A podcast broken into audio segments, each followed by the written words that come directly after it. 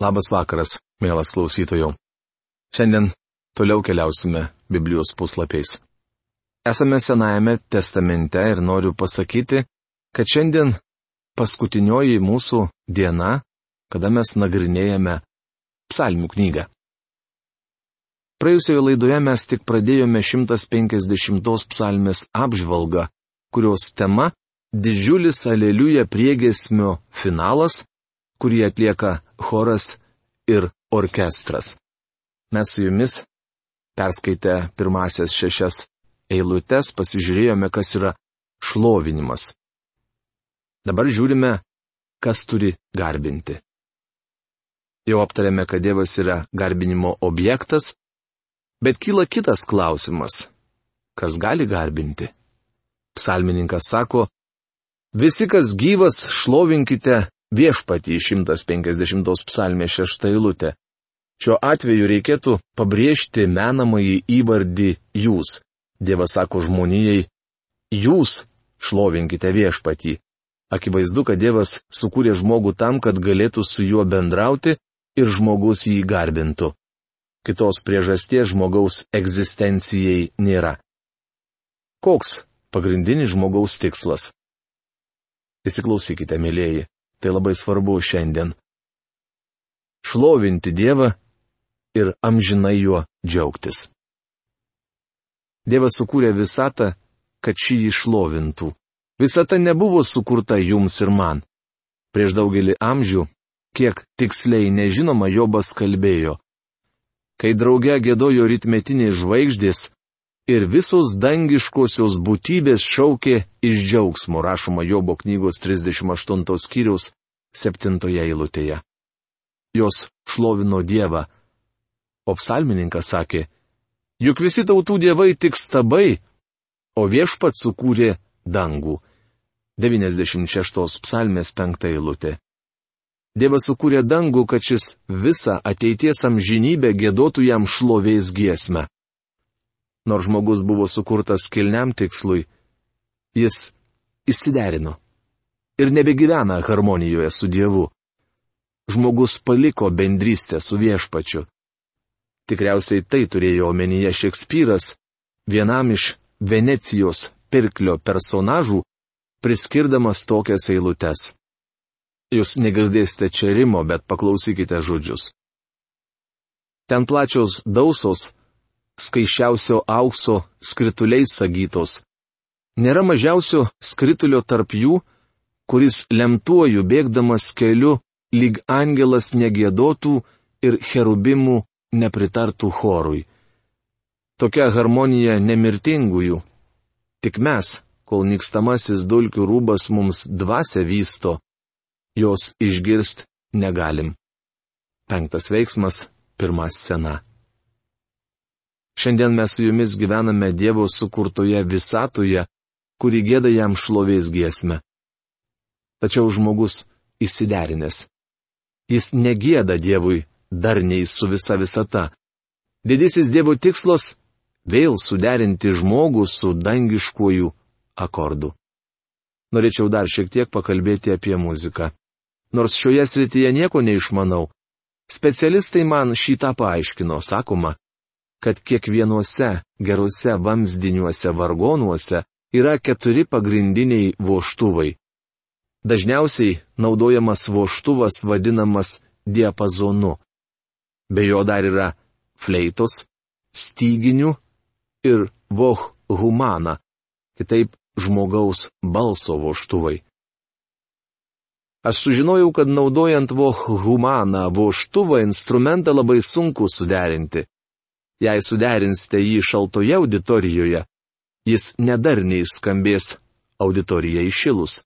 Ir atvirkščiai, jei naudodami šį voštuvą suderinsite vargonus šiltoje patalpoje, jis nedarniai skambės orui atvėsus. Bičiuli, voh humana sunkiai priderinamas. Ši plati Dievo visata yra milžiniškas instrumentas. Vieną dieną Jėzus Kristus priejo prie didžiųjų Dievo vargonų ir atidarė diapazonu vadinamą voštuvą. Įsyk saulės ir žvaigždžių sistemų platybėse suskambo giesmė. Tuomet jis atidarė fleitos voštuvą ir bematant sučiulbo mažieji sparnuočiai. Viešpačiu Jėzui atidarius styginių voštuvą, per visą Dievo visatą nuvilnijo šviesos niuniavimas ir angelai savo balsais ėmė šlovinti Dievą. Galiausiai Jėzus atidarė vohumaną voštuvą, bet pasigirdo tik nedarnūs, disonansiniai sąskambiai. Didysis vargonininkas buvo ne tik muzikantas. Jis puikiai žinojo, kaip šį instrumentą taisyti. Taigi palikęs vargonų klaviatūrą danguje, jis atėjo į žemę. Atiduodamas savo gyvybę už žmogų, jį atpirkęs. Viešpats Jėzus vėl suderino jį su visa Dievo kūrinyje. Aš kalbu tik apie tikinčiuosius. Todėl, brangieji, visi atpirktieji šiandien turi šlovinti visagali Dievą Tik jie, tik atpirktieji gali gyventi harmonijoje su Dievu. Psalmininkas gėda. Dėkokite viešpačiui, nes jis geras, nes jo ištikimoji meilė amžina. Taip tiesako viešpaties atpirktieji, kuriuos jis atpirko iš vargo. Rašoma 107 psalmės pirmoje, antroje eilutėse. Bičiuli, jei taip nesakys atpirktieji, nesakys niekas. Nuostabu būti suderintam su dangumi. Atėjusi į pasaulį nuodėmė pašalino žmogų iš Dievo choro. Tačiau šiandien kiekvienas žmogus asmeniškai gali sugrįžti į šį chorą per geriausio Izraelio giesmininko Davido sūnų Jėzų Kristų. Beje, daugelis jau tai padarė. O kaip jūs? Viešpats Jėzus Kristus suteikė žmogui galimybę atnaujinti teisingus santykius su savo kūrėju ir atpirkėju ir vėl užtraukti šlovinimo giesmę. Kodėl turime garbinti? Dabar atsakysime į klausimą, kodėl turime garbinti. Kągi, laikas perkelti loginį kirtį. Prieš tai akcentavome menamą žodį jūs. Jūs šlovinkite viešpatį. Nagrinėjant klausimą, kodėl turime garbinti, reikia pabrėžti žodį šlovinkite. Labai maža tų, kurie iš tikrųjų garbina Dievą. Tiesą sakant, nėra tokio reiškinio kaip viešas garbinimas. Didysis Krizostomas sakė, angelai šlovina, žmonės nagrinėja, angelai atiduoda Dievui gyrių, žmonės disputuoja. Angelai slepia savo veidus, dengdamiesi sparnais, o žmogus akiplėšiškai spokso į tavo neapsakomą šlovę. Kiek žmonių šiandien eina į bažnyčią iš tikrųjų garbinti Dievo? Kažkas yra šmaikščiai pasakęs, kad vieni eina į bažnyčią paganyti akių, kiti pamiegoti. Įdomu, kiek žmonių eina į bažnyčią garbinti Dievo. Garbinimas yra dieviškas apsvaigimas. Jei netikite tuo, priminsiu jums puikią iliustraciją iš apaštalų darbų knygos. Sėkminių dieną Petras sakė pamokslą. Mes daug kalbame apie tą pamokslą, tačiau iš tikrųjų Petras tik paaiškino žmonėms, jog dvasios kupini vyrai nebuvo girti, jie buvo apsvaigę ne nuo alkoholinių gėrimų. O kaip mes? Ar šiandien kam nors atrodome apsvaigę nuo Dievo? Mums reikia bažnytinės ekstazės, teologinio jaudulio. Su garbinimu sėtini trys žodžiai apibūdinantys žmogaus širdies ir sielos išgyvenimą jam artinantis prie Dievo jo pagarbinti. Pirmasis iš šių žodžių yra kniupščias. Rytuose žmonės įpratę pulti veidų žemėn. Tuo tarpu mūsųse kalbama apie orų tarnavimą. Nesupraskite manęs klaidingai. Aš netvirtinu, kad Dievą galima garbinti tik vienoje padėtyje. Viktoras Hugo yra pasakęs, kad dažnai siela klupi, nors kūno padėtis ir kitokia. Nebandau nurodyti jums, kokioje padėtyje turi būti jūsų kūnas, kai garbinate Dievą, tačiau mūsų sielai reikia parpulti kniupšiai prieš Dievą. Biblijoje vartojami du svarbus žodžiai. Mėlyji, jeigu aš juos sugebėsiu perskaityti. Hebrajiškas žodis histahadech reiškintis palengti kaklą, ir graikiškas žodis proskuneo, kas reiškia palengti kelius prieš Dievą. Šiandien mes taip pat turime nusilenkti dangaus Dievui. Apreiškimo knygoje nedaug pasakojama apie dangų, tačiau kas kart, kai prabylama apie Dievo kūrinius, jie arba puola veidų žemėn pagarbinti Dievo, arba keliasi jį pagarbinę. Bičiuli, jei jums nepatinka garbinti Dievą, tai kaip patiks dangus? Juk ten Dievo kūriniai garbina savo kūrėją ir atpirkėją. Didžiąją laiko dalį jie garbina Dievą parpuldami jam po kojų. Bičiuli, mums reikia pratintis prie to jau šiandien. Kai mano krikščioniškas gyvenimas pasidaro bliškus ir miglotas, aš pasilieku vienas, polu veidų žemėn prieš viešpatį ir išlėjau jam visą, kas yra mano širdyje.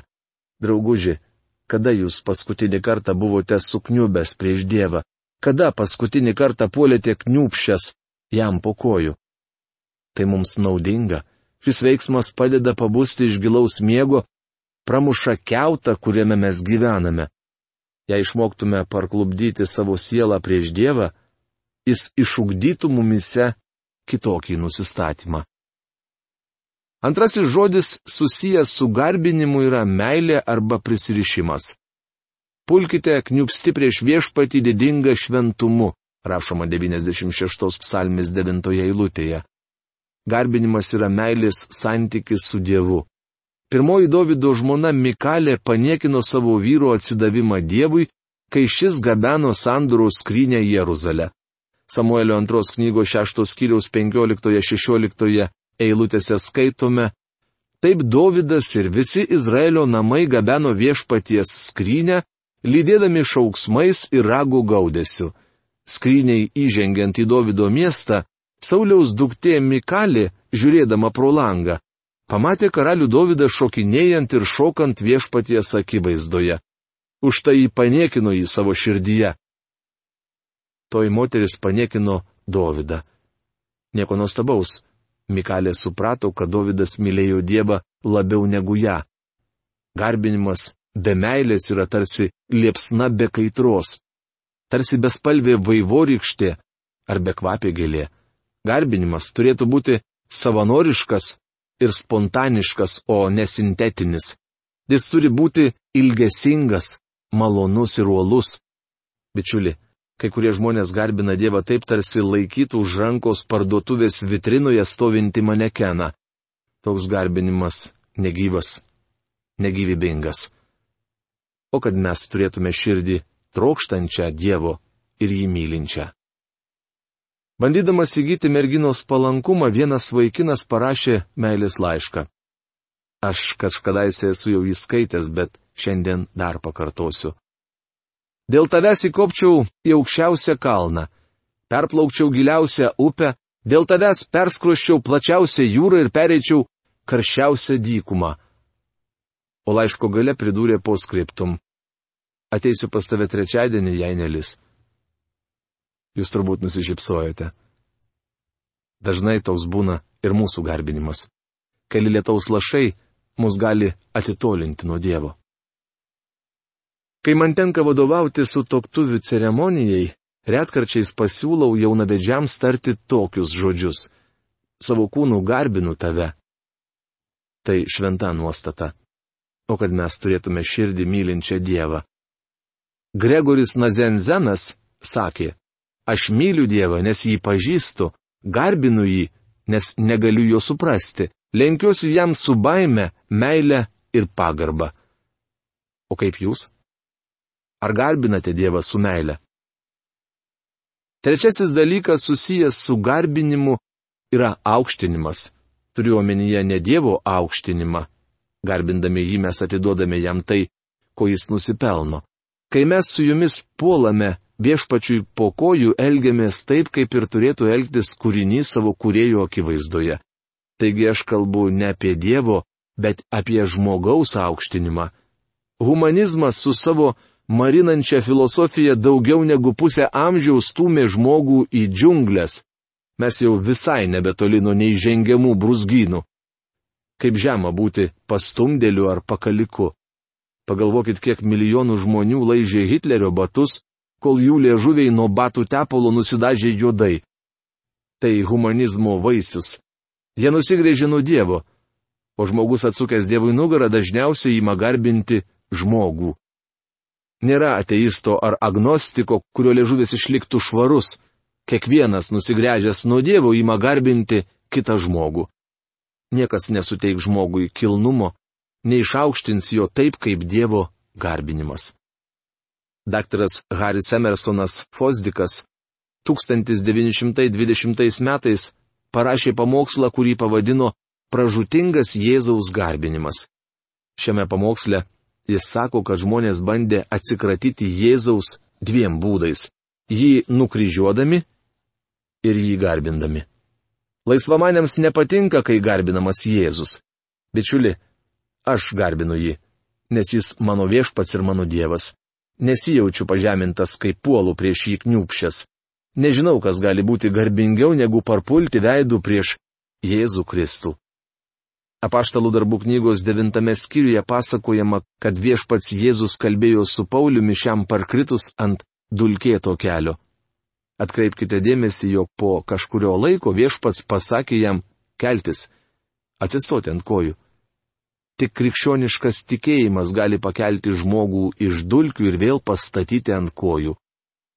Pirmame prieškimo knygos skyriuje skaitome, kad Jonas Patmo saloje regėjo pašlovintą Kristų.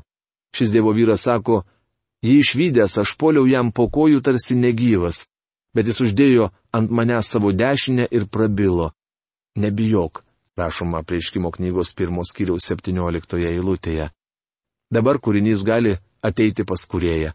Žmogus, kuris buvo pražuvęs nuodėmėje ir ilgą laiką rytosi žemyn, šiandien gali kilti vis aukščiau ir aukščiau, garbindamas Kristų. 17 amžiuje Muretas, didis tuo metu mokslininkas, keliaudamas pro Lambardžio miestelį, staiga sunegalavo ir sukniubo vidury gatvės. Kai jis buvo nuvežtas į ligoninę, gydytojai manydami, jog tai valka, tai ėmė tartis. Gal padarykime su šiuo beverčiu padaru eksperimentą? Jie kalbėjo lotiniškai, manydami, kad pacientas nieko nesupranta. Tačiau Muretas taip pat lotiniškai atsiliepė. Ar vadinate beverčiu tą, už kurį numirė Jėzus? Bičiuli, tik Jėzus Kristus ir jo garbinimas pakelia žmogų iš dolkių. Vieną dieną žmogus bus gražintas į pirmykštę padėtį ir vėl gyvens harmonijoje su Dievu. 150 psalmė Pradedama tuo, kad Dievo sūnus atidaro diapozonu vadinamą vargonų voštuvą. Šlovinkite viešpatį. Šlovinkite viešpatį jo šventykloje, šlovinkite jį dangaus kliauto galybėje. Tuomet atidaromas fleitos voštuvas. Šlovinkite jį ragų gaudesiu, šlovinkite jį arfą ir lyra.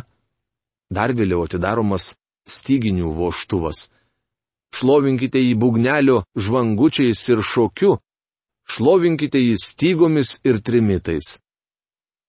Dabar, mylimieji, paklausykite. Visi, kas gyvas, šlovinkite viešpatį. Pradžioje Dievas įkvėpė žmogui gyvybę, sielą ir dvasę, bet žmogus nusigrėžė nuo Dievo. Tačiau artėja diena, kai visi, kas gyvas, šlovins viešpatį. Jau šiandien mes su jumis galime mylėti bei šlovinti Dievą savo širdimi ir gyvenimu.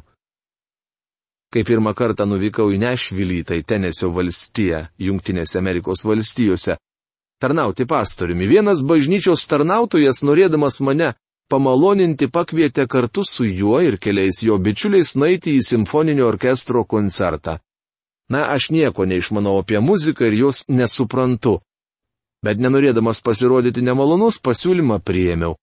Atvirai kalbant, neįsivaizdavau, kas gali būti nuobodžiau, kaip visą vakarą klausyti simfonijų. Tačiau sėdėdamas salėje gavau gerą pamoką. Prieš prasidedant koncertui, iš užkulisių vienas po kito išėjo maždaug pusantro šimto muzikantų. Dauguma jų buvo vienmarškiniai, pasiraitoja rankovės. Kiekvienas nuėjo prie savo instrumento ir ėmė jį derinti. smuikus, kurie buvo per dideli, kad jais būtų galima groti pridėjus po smakru. Vyrukai brūžino pasistatę ant žemės. Jie skleidė siaubingus garsus. Kiti čirpino ir klygdė mažuosius smuikelius. Dūdos taip pat skleidė ausirėžiančius garsus. Tai buvo disonansinių garsų popuri. Pasijutau lyg kokiam fabrike. Patriukšmavę muzikantai vėl dingo už kulisių. Po kelių minučių šviesos salėje staiga užgeso, o virš scenos įsižiebė ir muzikantai pasirodė antrą sykį, šį kartą vilkėdami frakus. Jie atrodė iš tiesų įspūdingai. Kiekvienas nuėjo ir atsistojo arba atsisėdo prie savo instrumento. Tuomet auditorija nuščiuvo, žibintų šviesos nukrypo į kulisus ir iš užkulisių išėjo dirigentas. Bematant nugriaudėjo aplodismentai. Dirigentas nusilenkė, užlipo ant podiumo ir pasėmė mažą ploną lasdelę vadinamą batutu. Dar sįkiai atsisuko į publiką, nusilenkė ir vėl nusigręžęs pakėlė batutą į viršų. Salėje įsivyravo mirtina tyla. Būtum girdėjęs, kaip ant žemės krinta smeigtukas. Vienas dirigento mostas ir bičiuli, mano oda pašiurpo it žasies. Niekada gyvenime dar nebuvau girdėjęs tokios nuostabios ir harmoningos muzikos. Mane supantis pasaulis skleidžia beprotišką triukšmą. Kiekvienas, kiek įmanydamas, garsiau pučia savo dudelę. Tačiau vieną dieną iš užkulisių išeis dirigentas. Viešpats Jėzus Kristus Jam mostelėjus batutu nuaidės gesmė visose Dievo visatos galaktikų sistemose. Prie dangiško choro prisijungs paukščiai, angelai ir galiausiai žmogus. Šlovinkite viešpati, šlovinkite viešpati jo šventykloje, šlovinkite jį dangaus skliauto galybėje, šlovinkite jį už didžius darbus, šlovinkite jį dėl jo iškilios didybės. Šlovinkite jį ragų gaudesiu, šlovinkite jį arfą ir lyra, šlovinkite jį bugnelio žvangučiais ir šokiu, šlovinkite jį stygomis ir trimitais, šlovinkite jį skambiais simbolais, šlovinkite jį žvangančiais simbolais. Visi, kas gyvas, šlovinkite viešpati. Tuo tarpu, laukdami viešpaties sugrįžimo, mes su jumis galime suklupti prieš jį, kad mūsų sielos būtų suderintos su dangiškojų akordu. Štai ir baigiame gana ilgą mūsų kelionę Senojo testamento psalmių knygą. Kitoje mūsų laidoje mes sugrįšime į Naująjį testamentą ir nagrinėsime apaštalo Pauliaus laišką parašytą Efezo tikintiesiems. Kai pamatysime patys, ne vien Efezui buvo skirtas šis laiškas, bet ir mums su jumis. Iki greito sustikimo. Sudė.